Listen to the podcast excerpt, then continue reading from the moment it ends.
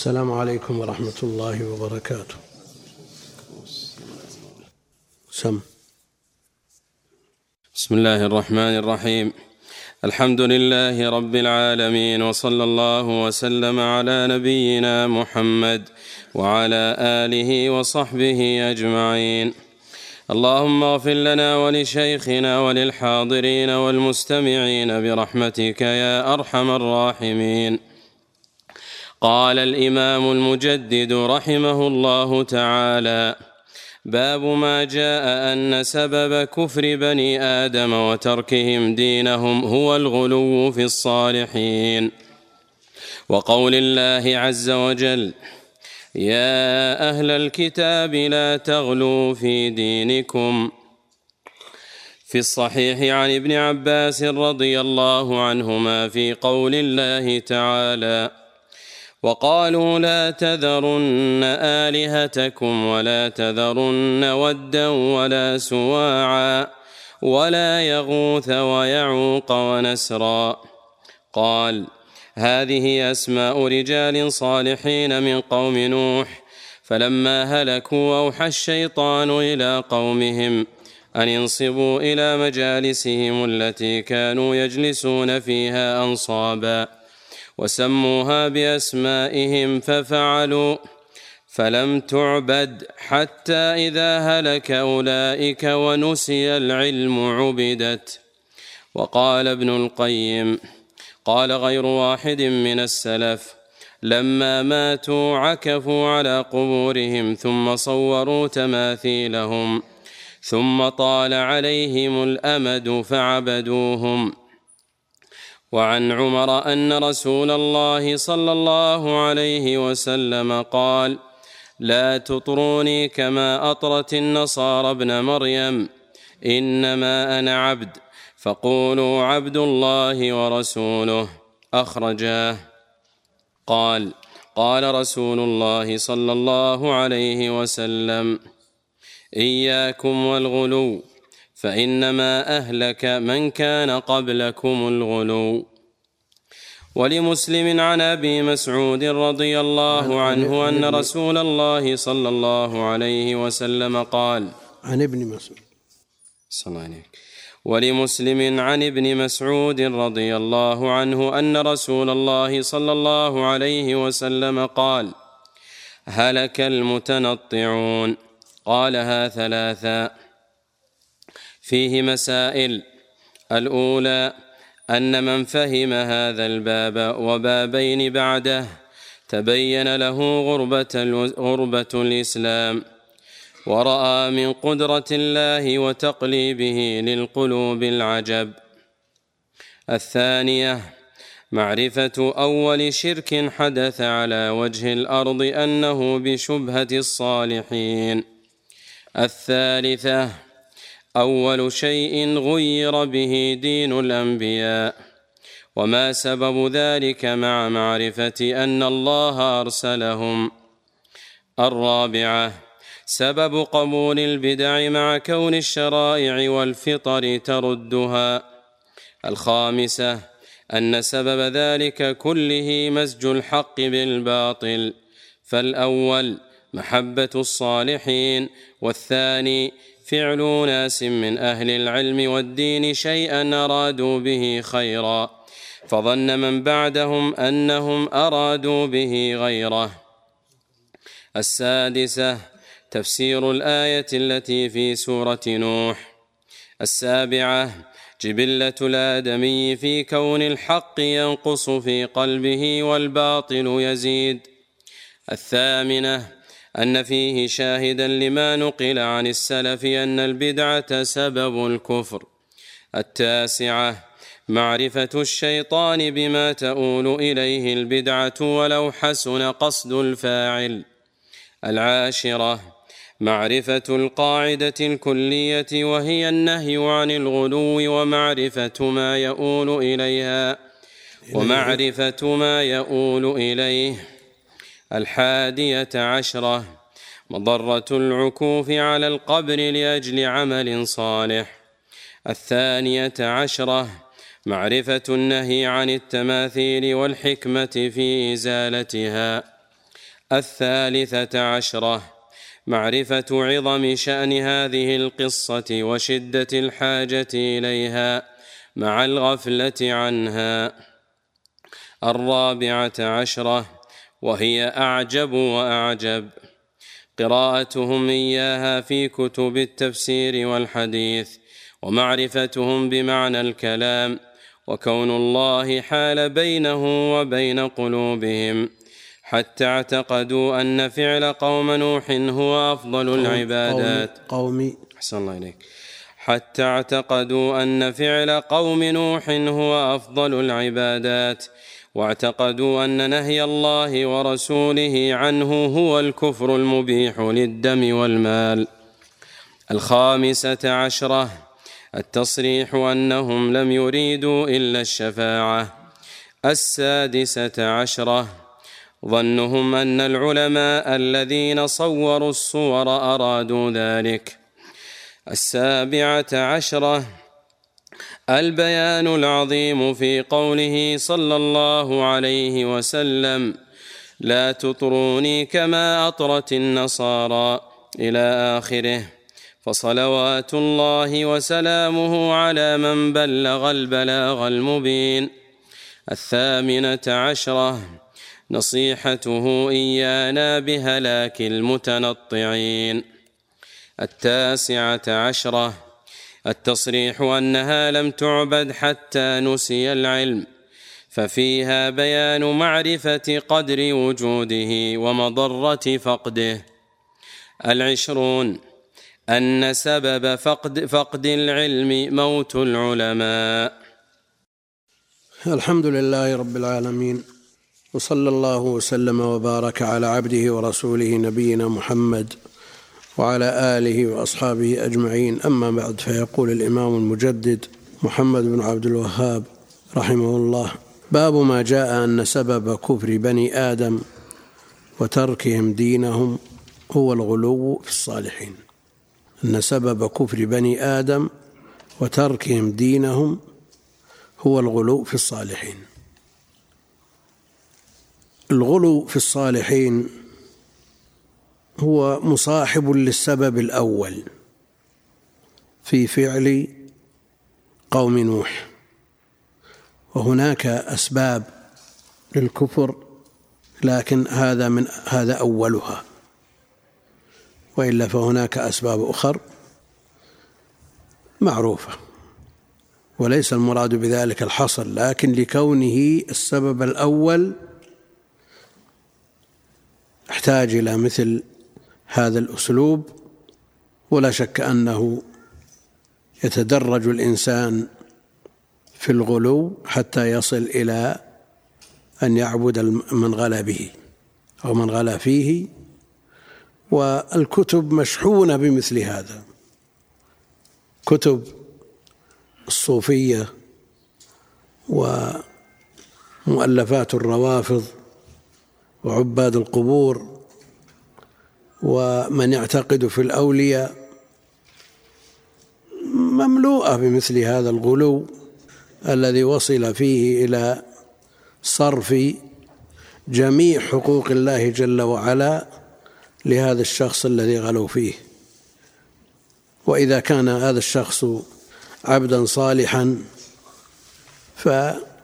فالشبهة قد يزينها الشيطان ويلبس بها على من غلا فيه لكن أحيانا يكون غير صالح ويغلى فيه وتدعى فيه الولاية وفاجر لا يأتمر بمأمور ولا ينتهي عن منكر. مثل هذا على الإنسان أن يحمد الله جل وعلا على ما أنعم به من تحقيق التوحيد وأن يخاف وأن يوجل. وأن يلجأ إلى الله جل وعلا ويتضرع إليه وينكسر بين يديه أن أن يحفظ له هذا التوحيد. لأن القلوب بين أصبعين من أصابع الرحمن.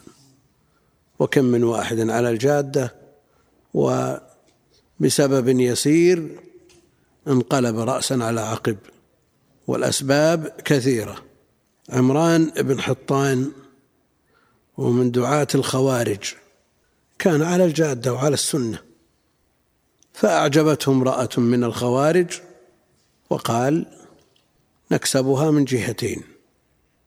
وهي جميلة جدا. يكسبها من جهتين من جهة جمالها ومن جهة كسب أجرها بدعوتها إلى السنة.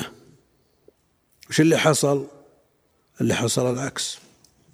هي دعته إلى مذهب الخوارج فصار من رؤوسهم. عمران بن حطان الذي مدح عبد الرحمن بن ملجم قاتل علي. كان على الجادة فالإنسان يسأل الله الثبات ولا يعرض نفسه لفتنة لأن بعض الشباب أو الكبار ممن يريد أن يتزوج يفتن بالجمال ويترك ما عداه وقد يكون في هذا خطر على نفسه على دينه على نسله فعلى الإنسان أن يتحرى الدين. فاظفر بذات الدين تربت يداك. والأسباب كثيرة جدا منها ما يتعلق بأمور الدنيا ومنها ما يتعلق ب من أمور الدنيا الإعجاب بالكبراء ليتقرب إليهم ويقرب منهم. ويصرف لهم بعض حقوق الله جل وعلا من التعظيم وتقديم الأوامر على أمر الله جل وعلا وأمر رسوله عليه الصلاة والسلام. فالأسباب كثيرة من جدا لكن من الغلو في الصالحين هو أوله أول ما حصل من الشرك في على على وجه الأرض. وكان الناس بعد آدم على التوحيد. لمدة عشرة قرون كما جاء في حديث ابن عباس ثم حصل الشرك بهذا السبب الذي ذكره ابن عباس في حديث الباب. ما جاء أن سبب كفر بني آدم أن سبب كفر بني آدم وتركهم دينهم. تركهم مجرور معطوف على كفر وهو مجرور مضاف إليه دينهم مفعول للمصدر. لأن المصدر يعمل عمل فعله. هو الغلو في الصالحين والغلو مجاوزة الحد. الغلو مجاوزة الحد. وهو مراتب. قد يكون الغلو بنسبة لا تصل إلى حد يخرج من الملة أو يكون أمرا شديدا يذم به ذما بالغا لكن في الجملة الغلو ومجاوزة الحد مذموم. فإذا تجاوز به ذلك إلى أن صرف شيئا من حقوق الله جل وعلا لغيره وصل إلى حد الكفر. والصالحين جمع صالح وكل عبد أدى حقوق الله جل وعلا وحقوق عباده. وعلى الإنسان أن يسعى جاهدا في في تحقيق هذا الوصف. أن يكون من الصالحين. أن يكون من الصالحين. لينجو ولتزداد حسناته بدعاء المسلمين فكل مصل في يقول في صلاة السلام علينا وعلى عباد الله الصالحين. فالصالح داخل في في دعوات المسلمين قاطبة. وقول الله عز وجل يا أهل الكتاب لا تغلوا في دينكم. أهل الكتاب هم اليهود والنصارى. لا تغلوا في دينكم. الخطاب موجه في الأصل لأهل الكتاب. وكما قال عمر رضي الله عنه مضى القوم ولم يرد به سوانا. ما دام الغلو في الدين أهلك أهل الكتاب فإذا حصل من غيرهم أهلكهم كذلك. لأن هذا الوصف من الأسباب التي هلكوا بسببها. قال رحمه الله في الصحيح صحيح البخاري عن ابن عباس رضي الله عنهما في قول الله جل وعلا وقالوا لا تذرن آلهتكم. اللي في الكتاب في قول الله تعالى فهل يجوز تغييره إلى عز وجل أو جل وعلا أو لا يجوز. لماذا؟ لأنه ليس من باب الرواية وإنما هو ثناء. يعني مثل ما تقول قال رسول الله صلى الله عليه وسلم أو قال الصادق المصدوق أو قال النبي عليه الصلاة والسلام لأنه ليس المقصود اللفظ. ليس المقصود اللفظ وإنما هو مقصود المقصود الشخص المتحدث عنه. ولا يكون هذا من باب التغيير وهو الرواية بالمعنى كما جاء في حديث ذكر النوم.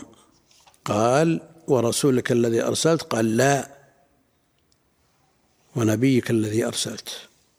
لأن هذا يغير المعنى المعنى يختلف. يعني فيه نوع تغاير بين النبوة والرسالة. لكن إذا أردنا أن ننقل عنه عن شخصه عليه الصلاة والسلام فوضعه لا يتغير بين كونه نبي أو كونه لا نقصد ذات. ما نقصد وصف. في قول الله تعالى وقالوا لا تذرن آلهتكم. لا تتركوا آلهتكم. لا تتركوا آلهتكم. ولا تذرن ودا. ولا سواعا ولا يغوث ويعوق ونسرا. آلهة أعم. وذكر هؤلاء بعد الآلهة من ذكر الخاص بعد العام. من ذكر الخاص بعد العام. لكن الآلهة هي فقط ما من ذكر من ذكر. أو هناك غيرهم. ها؟ لا تذرن آلهتكم ولا تذرن ودا ولا سواعا ولا يغوث ويعوق ونسرا. خمسة. هل الآلهة خمسة أو أكثر؟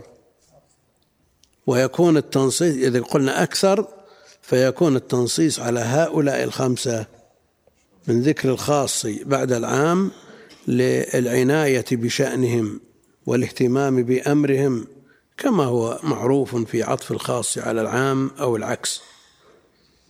وإلا هم داخلون في الآلهة. ها؟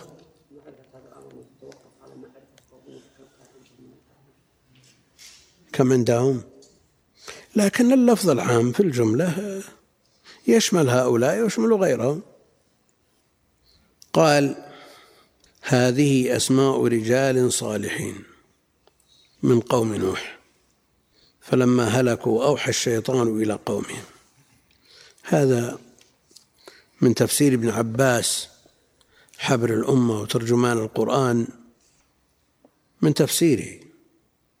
لم يرفعه إلى النبي صلى الله عليه وسلم.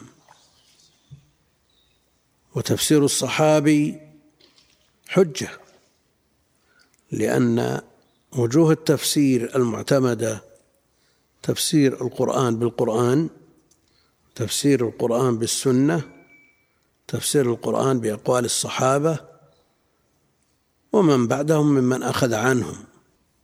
هكذا قال أهل العلم شيخ الإسلام ابن تيمية وابن كثير وجمع من أهل العلم.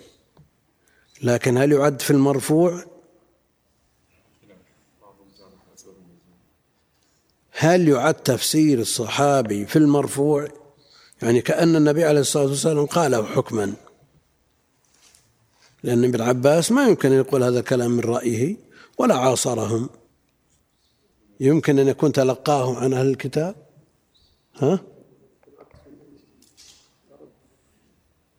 على كل حال تفسير الصحابي زعم الحاكم في مستدركه أن له حكم الرفع.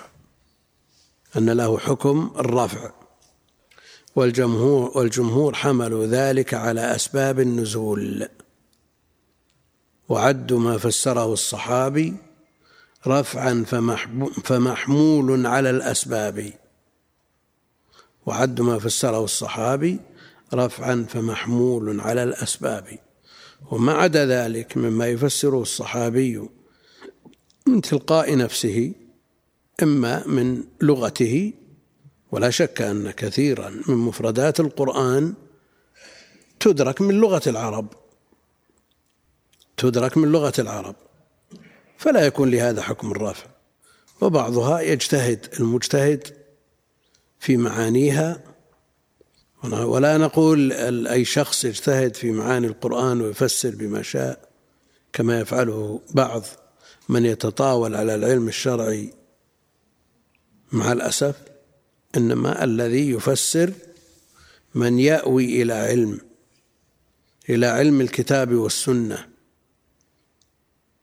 ثم بعد ذلك إذا تشبع من علم الكتاب والسنة وتأهل لمعرفة النصوص وكيف يتعامل معها هذا لا يقال إنه من الرأي المذموم الذي جاء من فسر القرآن برأيه فقد أخطأ ولو أصاب وفيه نصوص أخرى لكن ابن عباس حبر الأمة وترجمان القرآن. من يقول هذا في حقه؟ قال هذه أسماء رجال صالحين من قوم نوح يعني ممن آمن بنوح ممن آمن بنوح. بعضهم بعض من فسر أو تكلم على الخبر قال إنهم يحتمل أن يكونوا قبل نوح. وش حجته؟ في شيء يدل عليه؟ وأن قوم نوح هم الذين عبدوا هؤلاء. كان هؤلاء قبل قوم نوح. وسواء كانوا قبل نوح أو بعد نوح القوم الذين عبدوهم من قوم نوح. والحكم لا يتغير شيخ يكون حجة من قال لهم قبل نوح أن نوح عليه السلام أرسل إليه وأرسل إليهم لأنهم غيروا وبدلوا. عشرة قرون بين آدم ونوح على التوحيد. حصل التغيير فأرسل إليهم. المقصود أن الذين عبدوهم من قوم نوح. رجال صالحين هو الخمسة المعدودين هؤلاء في كلام ابن عباس هذه أسماء رجال صالحين من قوم نوح. بعضهم يقول أن هؤلاء الصالحين هؤلاء قبل نوح وإنما عبدوا من قبل قوم نوح.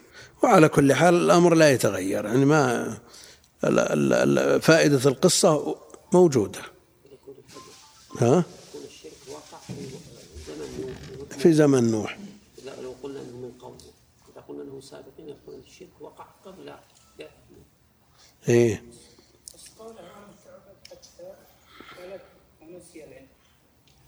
اسمع قالوا لا تذرن آلهتكم ولا تذرن ودا ولا سواعا ولا يغوث ويعوق ونسرا. والآية في سورة نوح. قال ابن عباس هذه أسماء رجال صالحين من قوم نوح. فالمعبود والعابد كلهم من قوم نوح فلما هلكوا استصحبنا الأعمار الطويلة. ها؟ استصحبنا الأعمار الطويلة. إيه أعمار طويلة عندهم نوح ألف سنة إلا خمسين عام يدعوهم. فلما هلكوا أوحى الشيطان إلى قومهم أن انصبوا إلى مجالسهم التي كانوا يجلسون فيها أنصابا. مثلوا تماثيل.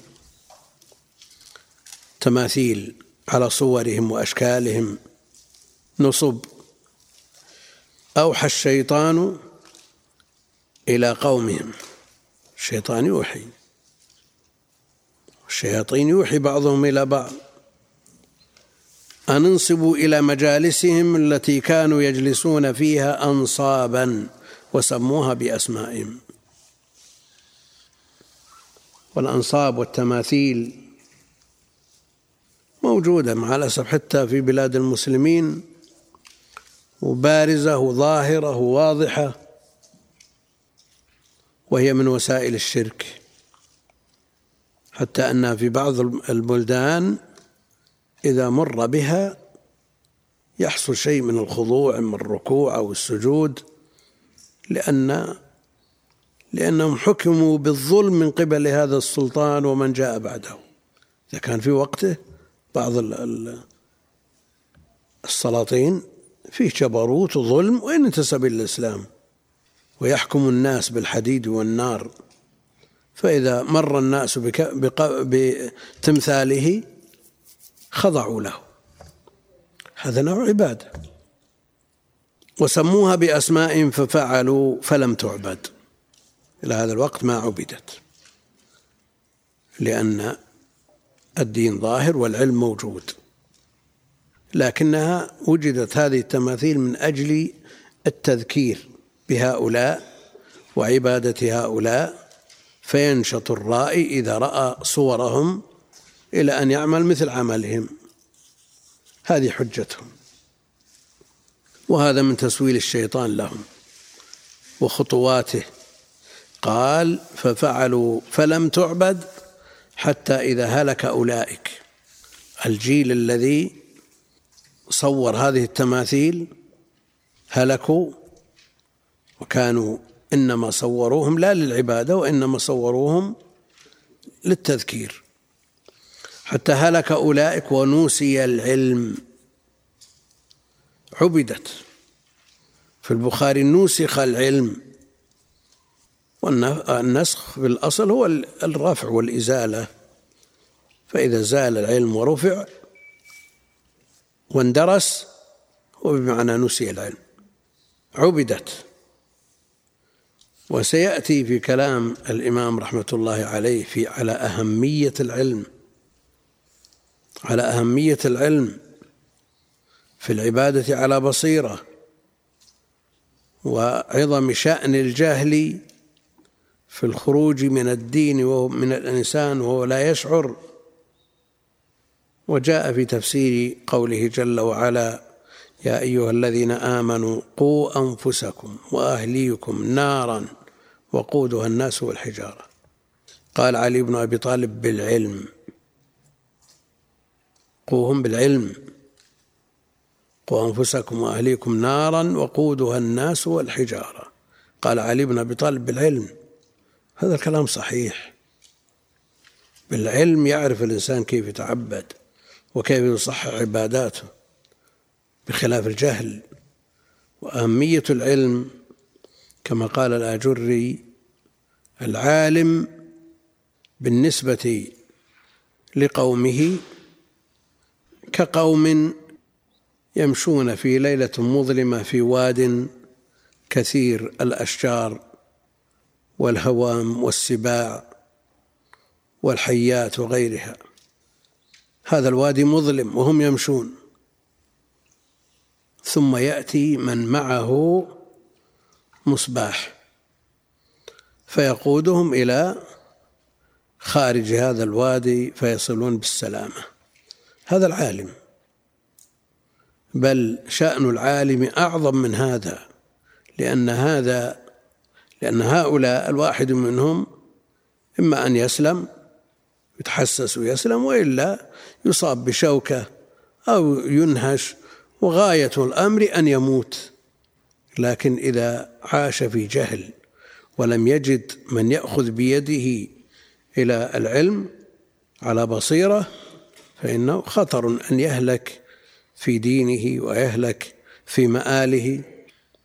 فأهمية العلم لا تخفى على أحد وكلام أهل العلم فيها كثير.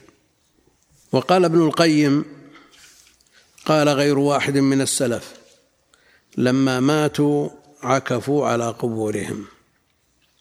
يعني في أول الأمر عكفوا على قبورهم. لم يصوروهم في أول الأمر ثم بعد ذلك صوروا تماثيلهم.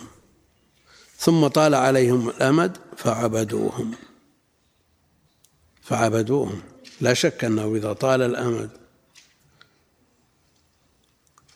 وانقرض العلم ونسي ودرس العلم فإنه حينئذ تعبد الناس على جهل وضلال والعبادة على جهل ضررها أكثر من نفعها. ولا تزيد في إيمان الشخص بل تنقصه.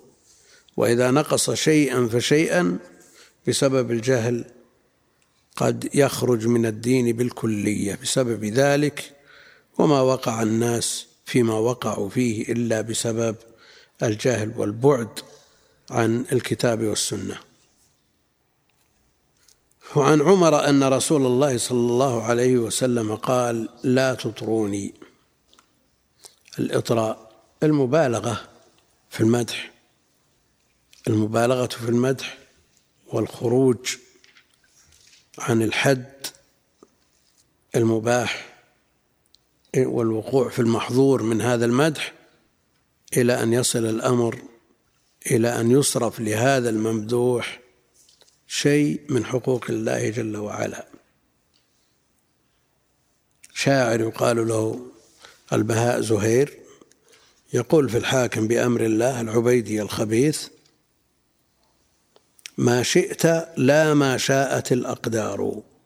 فاحكم فأنت الواحد القهار. نسأل الله العافية. ما شئت لا ما شاءت الأقدار. أي غلو أعظم من هذا؟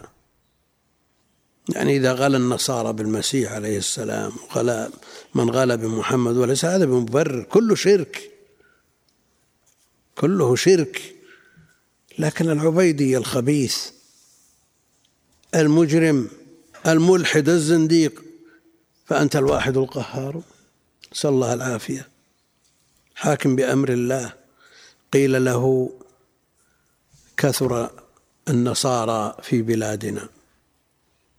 فأمر بوضع صلبان في أعناقهم زينة الصليب عشرون رطلا. فشق عليهم حملها فأسلم كثير منهم.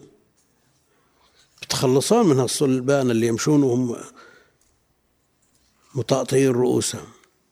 ثم جيء فقيل له نضب بيت المال. ما في جزية. قال ردوه من نصرانيتهم أمور يعني. ووضع على الحسبة رجلا يقال له مسعود في الأسواق. الذي يغش ولا يكذب شيء ما يقال في المسجد. أنا ما نقدر نقوله والله. مسعود هذا عبد جلف وكله بأن يفعل فيه الفاحشة اللي يغش ولا يغش نسأل الله العافية. ويقال فيه فاحكم فأنت الواحد القهار. أي ضلال أعظم من هذا؟ إذا كان الغلو في الصالحين يسول لهم الشيطان أن هؤلاء صالحون يقربونكم إلى الله. لكن هذا وش يقربك إلى من؟ إذا غلوت فيه.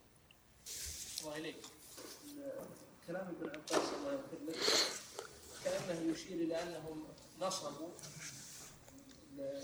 صوروا ثم كلام ابن القيم يشير إلى انهم عكفوا ثم صوروا على كل حال الطبيعي أنهم لما ماتوا قبروا. نعم. فعكفوا على هذه القبور ثم نصبوا لهم في مجالسهم. بدلا من أن يذهبوا إلى قبورهم نصبوا لهم في مجالسهم تذكرهم بالعبادة. هذا اللي يظهر. لا تطروني كما أطرت النصارى ابن مريم. إنما أنا عبد فقولوا عبد الله ورسوله. أخرجاه يعني في الصحيحين البخاري ومسلم. ولا شك أن النصارى عبدوا المسيح وقالوا إنه ابن الله أو ثالث ثلاثة قالوا هذا كله. واليهود قالوا عزير ابن الله وحصل من بعض الغلاة ممن ينتسب إلى الإسلام نظير ما وقعت فيه النصارى. البوصيري في بردته ما ترك لله شيئا. ما ترك لله شيئا من من الحقوق. جعل كل الأمور بيد محمد عليه الصلاة والسلام. يقول فإن من جودك الدنيا وضرتها ومن علوم من علومك ما بعلومه كلها بعد. من علومك بعض علومك علم اللوح والقلم. يا أكرم الخلق ما لي من ألوذ به سواك عند حدوث الحادث العالم العممي. ما ترك لله شيء. وأيضا البرعي ودواوينهم مطبوعة. والبردة يعني حصل فيها من الانتشار والاشتهار في بلاد المسلمين بحيث تردد في بعض الأقطار أكثر من القرآن. وشرحت بشروح كثيرة وطبعت بطبعات فاخرة مذهبة ويتداولها الناس في أحجام توضع في الجيب. وعورضت من شعراء كثر ونسج على منوالها. وكذلك همزيته المشهورة فيها نوع غلو لكن البردة أشد. يا أكرم الخلق ما لي من ألوذ به. ومع ذلك يقول دع عنك ما قالت النصارى في نبيهم. أنت قلت مثلهم.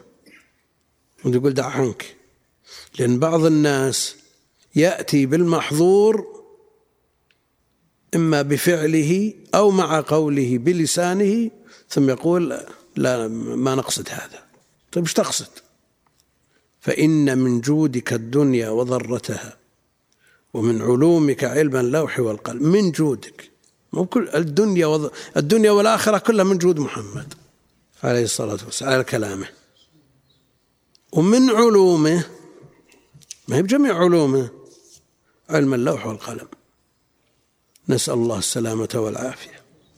فوقع البرعي له كلام بعد مثل هذا أو أشد.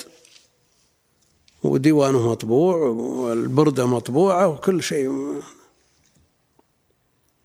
ويوجد في مطبوعات المغرب ومصر والسورية وتركيا مطبوعات فيها الغلو الذي يصل إلى حد الشرك الأكبر.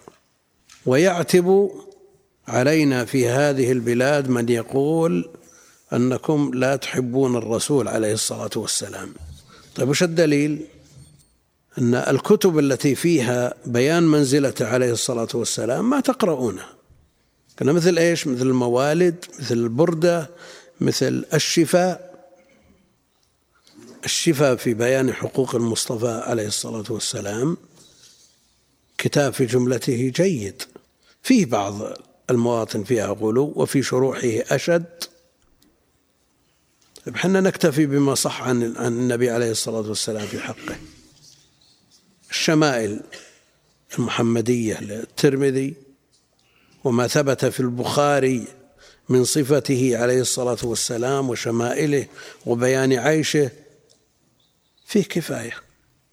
وكذلك بقية كتب السنة. فلسنا بحاجة إلى أن نعتني بأمور فيها نوع غلو وفيها مخالفة لأمره عليه الصلاة والسلام وقوع في مخالفة في ما نهى عنه عليه الصلاة لا تطروني. ومن قرأ في هذه الكتب وجد فيها ما يجد. وتركها إنما هو من باب سد الذرائع وإلا فالأصل أن أهل العلم يقرؤون هذه الكتب ويبينون ما عليها من ملاحظات. ليستفيد منها من يقرأها في البلدان الأخرى. والله المستعان. قال قال رسول الله صلى الله عليه وسلم وهنا بياض بقدر كلمتين. يقول المعلق في الأصل بياض بمقدار كلمة أو كلمتين والشيخ سليمان في شرحه يقول هكذا ثبت هذا البياض في أصل المصنف وفي بعض النسخ ولمسلم عن ابن عباس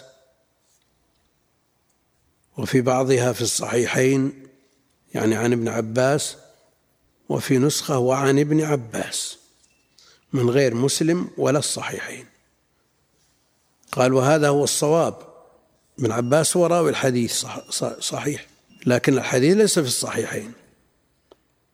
فإذا قيل وعن ابن عباس قال قال رسول الله صلى الله عليه وسلم إياكم الله هذا كلام صحيح لكن العبرة بالأصل الذي هو بخط الشيخ لأنه الذي الأصل أصل المصنف رحمه الله ما في شيء ولا ولا ذكر الراوي الصحابي. ولذلك تركه بياض في النسخة التي معنا. في بعض النسخ عن ابن عباس. هذا هذا خطأ لأنه ليس في مسلم. هذا هو الحديث ليس في مسلم. وإنما هو عند أحمد والنسائي وغيره من الكتب. لكن ليس في الصحيحين ولا في أحدهما. قال قال رسول الله صلى الله عليه وسلم إياكم والغلو. تحذير. إياكم والغلو فإنما أهلك من كان قبلكم الغلو. إياكم والغلو فإنما أهلك من كان قبلكم الغلو. وهذا أسلوب تحذير كأنه قال احذروا الغلو. ولذلك الغلو منصوب على التحذير. فإنما أهلك من كان قبلكم الغلو. ابن عباس التقط للنبي عليه الصلاة والسلام حصى الجمار مثل حصى الخذف. فأخذها النبي عليه الصلاة والسلام ووضعها في كفه ورفعها فقال بمثل هذا فارموا وإياكم والغلو فإنما أهلك من كان قبلكم الغلو. يعني والغلو كما يكون في الاعتقاد يكون في العمل أيضا إذا كان فيه زيادة لأنه يوجد من من يرمي الجمار بحصن كبار وبعضهم بالنعال وبعضهم بأمور أخرى. يتصورون أن هذا الشيطان ويريدون أن ينتقموا منه ينتقم منه هذا جهل ومجاوزة للحد. فإنما أهلك من كان قبلكم الغلو. جاء في نصوص كثيرة ذكر ما هلك بسببه من قبلنا. فإنما إنما أسلوب حصر. حصر. يعني ما هلكوا إلا بالغلو ولا هلكوا بأمور أخرى غير الغلو. فإنما هلك من كان قبلكم لما اتخذ نساؤهم القصة. حديث معاوية في البخاري. ها؟ نعم هلكوا بكثرة سؤالهم واختلافهم على أنبيائهم. وحينئذ فيكون الحصر إضافي يكون الحصر إضافيا. مثل الحج عرفة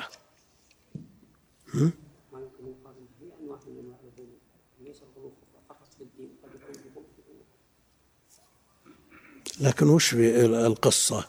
في زيادة الشعر لما أخذ كبة من شعر بيد حرسي معه ووضعها على رأسه وقال إنما لك من كان قبلكم إنما اتخذ نساءهم القصة. وش فيها من الغلو ذي ما فيش فيهم مشابه. لا هم مشابه لمن؟ ها؟ هم أهل الكتاب. هلكوا بسبب اتخاذهم القصة. شابهوا من؟ المشركين هي مسألة مسألة وصل. ها؟ والوصل محرم وهذا نوع منه على كل حال إياكم فإنما أهلك من كان قبلكم هذا أسلوب حصري بلا شك ولكنه حصر إضافي بمعنى أنه لا يمنع من دخول غيره فيه لوجود أسباب للهلاك غير الغلو. فإنما أهلك من كان قبلكم الغلو ولا شك أن من أشدها الغلو الذي يوصل إلى الشرك ويخرج من التوحيد. ولمسلم عن ابن مسعود رضي الله عنه أن رسول الله صلى الله عليه وسلم قال هلك المتنطعون. قال هلك المتنطعون. قالها ثلاثا. هذا دعاء ولا خبر؟ يراد منه الدعاء. أسلوبه أسلوب خبري لكن يراد به الدعاء عليهم بالهلاك. وكررها ثلاثا عليه الصلاة والسلام. إما أن يقال هذه عادته إذا تكلم تكلم ثلاثا وإذا دعا دعا ثلاثا أو لأهمية الأمر. كرره لأهميته كما كرر ألا وشهادة الزور. كررها حتى قلنا ليته سكت. هلك المتنطعون. الآن هو هلاك. حسي ولا معنوي؟ هلاك دنيا ولا هلاك أخرى؟ يعني نعوجل بالعقوبة. فلا شك أنه هلاك دنيوي يعقبه الهلاك الأخروي. ولا شك أن أن هلاك الدنيا لا يساوي شيئا بالنسبة للهلاك في الآخرة. لا لا يعدل لا يساوي شيء. لأن الدنيا أيام تمشي لكن الآخرة أبد الآباد نسأل الله العافية. ولذا جاء في الحديث من نفس عن مسلم كربة نفس الله عنه كربة من كرب يوم القيامة. من ستر مسلما ستره الله في الدنيا والآخرة. في الدنيا والآخرة. من نفس عن مسلم كربة نفس الله عنه كربة من كرب يوم القيامة. لماذا ما قال كرب الدنيا؟ لأن كرب الدنيا لا شيء بالنسبة لكرب الآخرة. فالهلاك الحقيقي إنما هو ما كان في الدين ولا شك أن أثره على الآخرة لا سيما إذا وصل إلى حد الشرك المخرج من الملة الذي تكون عليه الجنة حرام. ثم قال رحمه الله فيه مسائل. الأولى أن من فهم هذا الباب وبابين بعده تبين له غربة الإسلام لأن هذا موجود ووجوده وجود كثرة وظهور في كثير من الأقطار مما يدل على أن الغربة مستحكمة. ما هي معاصي خفية يفعلها بعض الناس في بيته لا ظاهرة. ومع الأسف أنها هي الأصل في بعض الأقطار الإسلامية. ومما يؤسف له أن بعض من ينتسب إلى العلم والفتوى ينتصر لها وينافح عنها. وقد وجدت جهود وبذلت في إخراج بعض القبور من المساجد ونجحت وأخرجت. ثم جاء من يتزعم الإفتاء في, بل في هذا البلد فأمر بإعادتها. نعوذ بالله من الضلال. عليه وزرها ووزر من عمل بها إلى نسأل الله السلامة والعافية. يطاف بهذه القبور ويسعى المخلصون المحققون للتوحيد بإخراجها وتنجح بعض جهودهم ثم يأمر بردها. ويؤلف في ذلك أحمد بن الصديق الغماري ومحسوب على أهل الحديث من العلماء في المغرب وله جمع من الإخوة كلهم أهل علم لكنهم لا يسلمون من شوب البدعة وهم يتفاوتون لكن من أشدهم في البدعة أحمد هذا. وألف في البناية على المشاهد وعلى القبور والمزارات والأضرحة شيء له مصنف في هذا. وعلى كل حال هذا مثال وأنموذج وإلا فالأمر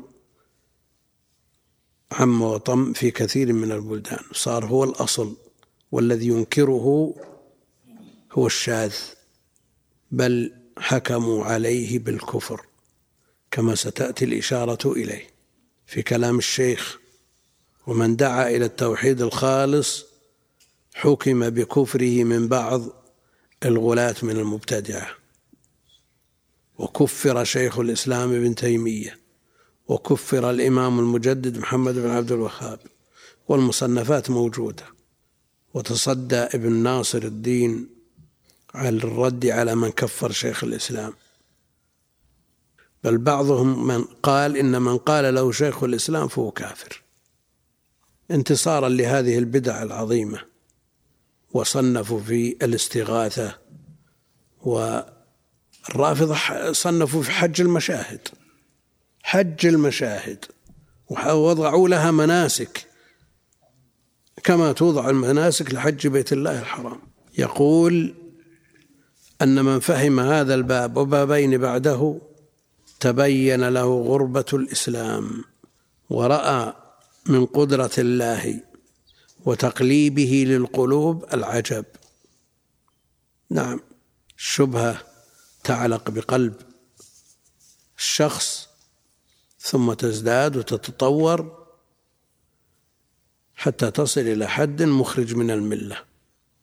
وكانت هذه البلاد يعني في نجد ما تختلف عن غيرها.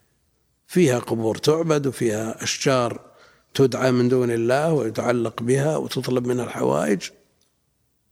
لكن لما جاء هذا الإمام المبارك امح الشرك وزالت آثاره ومعالمه ولله الحمد والمنة.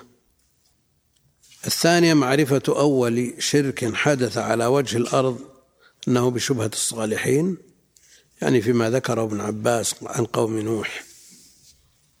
الثالثة أول شيء غير به دين الأنبياء وما سبب ذلك مع معرفة أن الله أرسلهم. يعني الشعوب يعني قوم نوح يعرفون أن الله أرسل نوح وكل من جاء إليه رسول بالمعجزات يذعن بأنه مرسل من قبل الله لكن يصده ما يصده كما حصل لأبي طالب. وما يعرف أن الرسول من عند الله وأن دينه حق لكن وجد المانع وجد الصاد. أول شيء غير به دين الأنبياء الغلو في الصالحين والبناية على قبورهم. وفي بعض البلاد البدعية تجد المقابر البنايات على القبور تعلو السور. تعلو السور تشوف القبور مرتفعة. والنساء سرى عند باب المقبرة كل واحدة في إبطها سجادتها. شيء رأيناه. والله المستعان. وتقول أنا قلت لامرأة تتمسح بالمقام مقام إبراهيم. ترى هذا حديد جابوه من المصنع ما ينفعكم بشيء. قالت عندكم ما ينفع عندنا ينفع. هذا والله كلام بالحرف. أنتم عندكم ما ينفع لكن عندنا ينفع. نسأل الله العافية. الرابع سبب قبول البدع. مع كون الشرائع والفطر تردها. البدع يزينها الشيطان في قلوب الناس ويسهلها وييسر أمرها. ويسول لهم بذلك فيقبلونها وسرعة قبول القلب للبدعة كما قال أهل العلم أسرع من السيل في منحدره. وش معنى ان أن المسلمين فئام من المسلمين تعبد غير الله جل وعلا وهي تقول لا إله إلا الله؟ والمشكلة الآن في العصور المتأخرة مع وجود وسائل الاتصال والقنوات والمناظرات أيضا في هذه القنوات التي صار لها الأثر الكبير في قلوب العامة قبل الخاصة ودخلت هذه المناظرات بشبهها في قعر بيوت عوام المسلمين. كثيرا ما نسأل عن شبهة. من أول العامة عندهم الرضا والتسليم ولا عندهم خلافه. لكن بدأوا يسمعون الآن. يسمعون هذه الشبهة. وقد يكون الذي يصور الشبهة عنده قدرة في التصوير. ومقابله ممن يناظره أقل في هذه القدرة. فيتأثر بها السامع. يعني نظير ما في تفسير الرازي.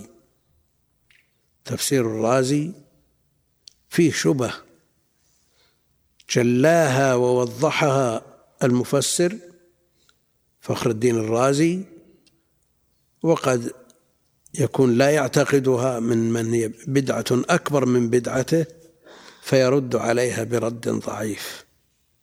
لا يصنع في الرد مثل ما صنع في تقرير الشبهه ولذلك قالوا أنه يذكر الشبهة نقدا ويرد عليها نسيئة. الآن هذا تفسير الرازي ما يقرأه إلا طلاب علم قد يتأثرون به لكن الآن الشبه في القنوات يسمعها الناس كلهم. يقول الخامسة يعني من المسائل أن سبب ذلك كله مزج الحق بالباطل. مزج الحق بالباطل. لأن صاحب البدعة وصاحب الشبهة ما يقول إن أن الشيطان يقول كذا. بل لا بد أن يطعم هذا الكلام بشيء ويلبسه بلباس الحق. ولذلك أهل البدع إنما يتبعون المتشابه. يتبعون المتشابه. تجد صاحب الغلو في التكفير والقتل والتفجير. يجيب لك حديث ولا آية؟ آية النساء. من يقتل مؤمنا متعمدا فجزاؤه جهنم خالدا فيها. ويقول إنه كافر ما دام خالد فهو كافر. وينسى النصوص الأخرى المحكمة. وكيفية الجمع بين هذه الآية وغيرها. هناك أيضا نصوص أطلقت الكفر على بعض المعاصي فيستدل بها الخارجي وينسى انه هناك نصوص أخرى في مقابلها يستدل بها المرجئ. ومن وفق للإنصاف والعدل والتوسط في الأمور يجمع هذه وهذه ويوفق بينها ويخرج بالرأي الوسط الذي هو منهج أهل السنة والجماعة. فالخارجي يجد ما يستدل به من الكتاب والسنة والمرجع الذي هو يقابله يجد ما يستدل به من الكتاب والسنة والموفق من يجمع بين هذه وهذه. لأنه إذا استدل بأدلة الوعيد اقتصر عليها جرته إلى الغلو والخروج وإذا اقتصر على نصوص الوعد جرته إلى الإرجاء والتنصل من الدين وعدم العمل به وكل منهما على ضلال لأنه إن عمل بهذا عطل هذا وإن عمل بهذا عطل هذا. ولا بد أن يعمل بالكتاب كله لا يؤمن ببعضه ويكفر ببعض. فالذين آمنوا بالكتاب كله ووفقوا بين هذه النصوص هم الذين وفقوا للمعتقد الصحيح. فالأول محبة الصالحين. لا شك أن هذا هذه شبهة. تكون رجل صالح ترجى دعوته ترجى شفاعته ترجى كذا كذا. ثم تلبس يلبس على من لا علم عنده. والثاني فعل أناس من أهل العلم والدين شيئا أرادوا به خيرا. يعني مثل ما فعل أولئك في أول الأمر صوروهم ليتذكروا عبادتهم فيعمل مثلهم. فظن من بعدهم أنهم أرادوا به غيره وأنهم يعبدونهم من دون الله. فعل أناس من أهل العلم والدين شيئا يعني من ذلك ولو يعني يذكر أنا ما سافرت لكن يذكر في مصر من القبور التي يغلى بها وكذلك في الشام سند سد سدنتها علماء. سدنتها علماء. المتخصص في الفقه والمتخصص في أصول الفقه والمتخصص لكن الكلام على الأصل وتحقيق الأصل. نسأل الله العافية. السادسة تفسير الآية التي في سورة نوح. تذرن آلهتكم ولا تذرن ودا ولا سواعا ولا يغوث ويعوق ونسرا. وقد تقدمت. السابعة جبلة الآدمي. في حق كون الحق ينقص في قلبه والباطل يزيد. جبلة الآدمي يعني مع الاسترخاء. لا شك أن الحق بينقص. والباطل إذا نقص الحق زاد الباطل. لكن الذي يواصل ما يزيد في علمه وإيمانه لا شك أن الحق يزيد والباطل في مقابله ينقص. لكن عموم الناس وسائر الناس ليسوا على هذه الصفة. عامة الناس ينشغلون بدنياهم وليس عندهم من العلم ما يزيدون به إيمانهم وقد لا يكون عندهم من العلماء من يبصرهم لكن إذا وجد من يسعى في زيادة إيمانه لا شك أن مقابله والباطل ينقص ويتضاءل. الثامنة من المسائل أن فيه شاهدا لما نقل عن السلف أن البدعة سبب الكفر. مثل ما قلنا سابقا أن الكفر له أسباب ومن أسبابها البدعة. وقالوا عن المعاصي أنها بريد الكفر. وكم في كتاب الله من قوله بما عصوا وكانوا يعتدون. تأمل ما قبلها ثم يكون السبب بما عصوا وكانوا يعتدون. الأصل المعصية والعدوان ثم يتطورون إلى ما وراءه وما فوقه. التاسعة معرفة الشيطان بما تؤول إليه البدعة ولو حسن قصد الفاعل. معرفة الشيطان بما تؤول إليه البدعة فهو يحرص عليها أكثر من المعصية. يحرص على البدعة أكثر من المعصية لأن المبتدع يظن أنه على الحق فلا يتوب أو لا يوفق للتوبة بخلاف العاصي الذي يعرف ويجزم أنه على باطل وأنه متعرض لسخط الله فتجده يتوب يتوب ويقلع. وقد وجد من المبتدعة بل من رؤوسهم من تاب ورده الله إلى الصواب لكن الغالب أن البدعة إذا أشربت حبها القلب فإنها لا سيما وأنه يرى أنه على حق وأن ما يدعى إليه باطل. فالغالب أن المبتدع يستمر على بدعته إلا أن وفق بداعية ناصح مخلص ووفقه الله جل وعلا لقبول الحق وتاب هذا موجود وهذا موجود. لكن العاصي في الغالب أنه مع تقدم السن ومع وجود الوازع من كتاب الله وسنة نبيه إذا تولاه المخلص وبين له الحق لأنه يعرف ويجزم أنه على باطل وذاك يجزم أنه على حق. فالذي يجزم على الباطل في الغالب يوفق على التوبة إذا بذل الأسباب. العاشرة معرفة القاعدة الكلية. معرفة القاعدة الكلية وهي النهي عن الغلو. إياكم والغلو. بدون تفصيل. تحذير من الغلو بجميع أنواعه. سواء كان في الاعتقاد أو في العمل.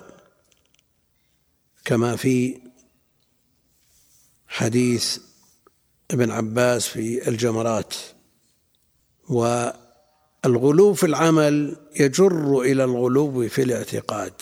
فتجد الذي يكثر من من ما أصله مشروع. يجره ذلك إلى أن هذا الإكثار الذي لم يرد به دليل حتى يرى أن عمله أفضل من عمل النبي عليه الصلاة والسلام. النفر الذين تقالوا عمله عليه الصلاة والسلام.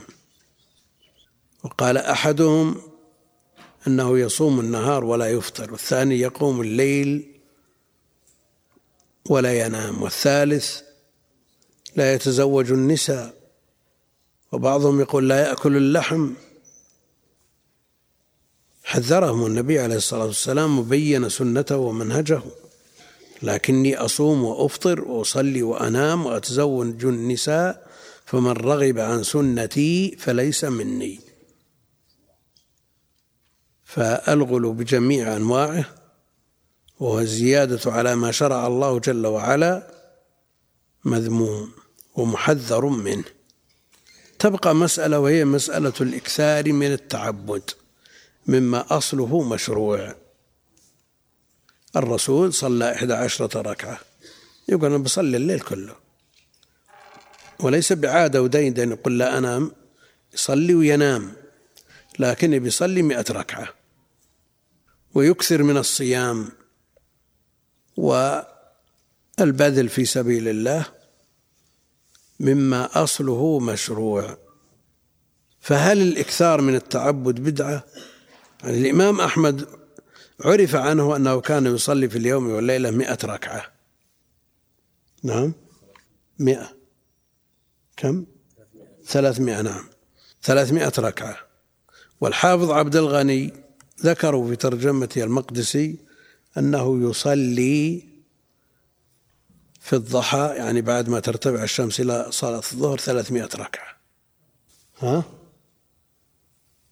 لكن إذا نظرنا إلى الوقت انظر الصيف مثلا ست ساعات أو سبع ساعات في ستين دقيقة ثلاثمائة وستين.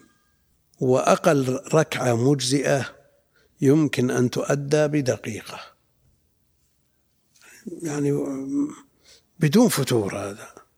بعدين ذكروا عنه أنه مداوم عليه. فهل مثل هذا مشروع أو غير مشروع؟ ذكر ابن المطهر منجس صاحب منهاج الكرامة رافضي هو أن عليا كان يصلي في اليوم والليلة ألف ركعة. قال شيخ الإسلام رحمه الله الوقت لا يستوعب. يمكن يصلي ألف ركعة. ما مستحيل. الوقت ما يستوعب.